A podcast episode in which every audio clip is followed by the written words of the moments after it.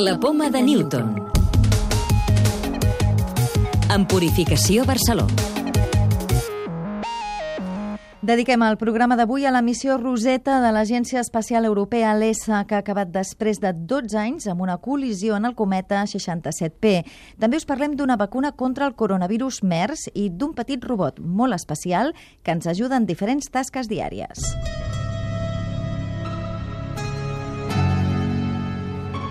La sonda Rosetta ja descansa sobre la superfície del cometa 67P després de recórrer 8.000 milions de quilòmetres des que es va enlairar el 2004. Aquests anys ha aconseguit fites científiques i tecnològiques de primer nivell, com ara el primer aterratge de la història en un cometa. En parlen el cap d'operacions de vol de la Rosetta, Andrea Comacho, i el director d'Enginyers de Terra de l'ESA, Joan Miró.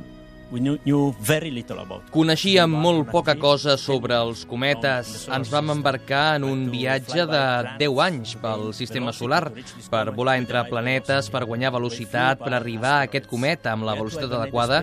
Hem volat cap asteroides, hem volat molt més lluny del Sol. De fet, el viatge cap allà era una aventura i una peça mestra de la tecnologia i tot això per la ciència. All this for science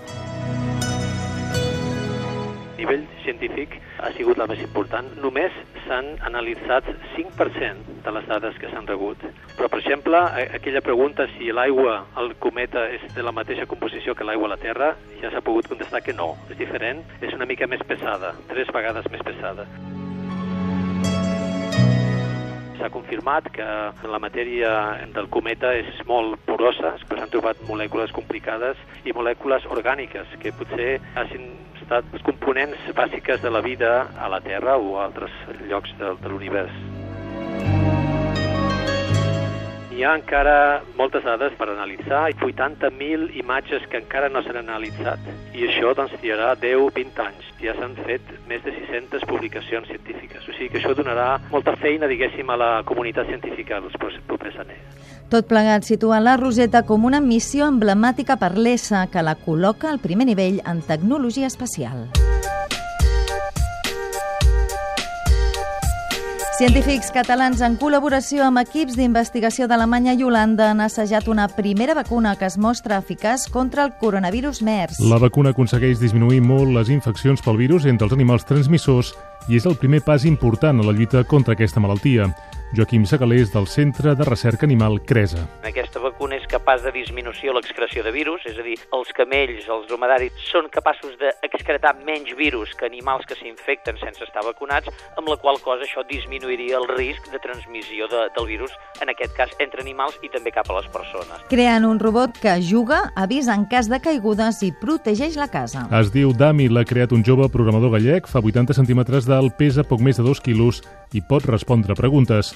A banda d'ajudar les persones en la vida domèstica, Dami pot també donar un cop de mà als nens amb els deures, ja que porta incorporat un wikidiccionari i un accés a Wikipedia. Estudiants catalans participen en la competició internacional de bioenginyeria organitzada per l'Institut Tecnològic de Massachusetts. Ho faran amb un projecte per prevenir el càncer de colon. Núria Armengol és una de les joves investigadores que hi participen. La nostra idea primera és de fer un tractament preventiu contra el càncer de colon. Seran uns microorganismes que te'ls prendràs i en l'organisme agafaran aquest accés a aquestes molècules que poden provocar el càncer i els transformaran en altres substàncies que no són nocives per l'ésser humà. La clau de volta. Quines tecnologies actuals depenen de la física de partícules? Xavier Vilassís de la Salle, Universitat Ramon Llull. Els acceleradors que hi han en els centres mèdics i que permeten eh, atacar tumors i fer lluita contra el càncer.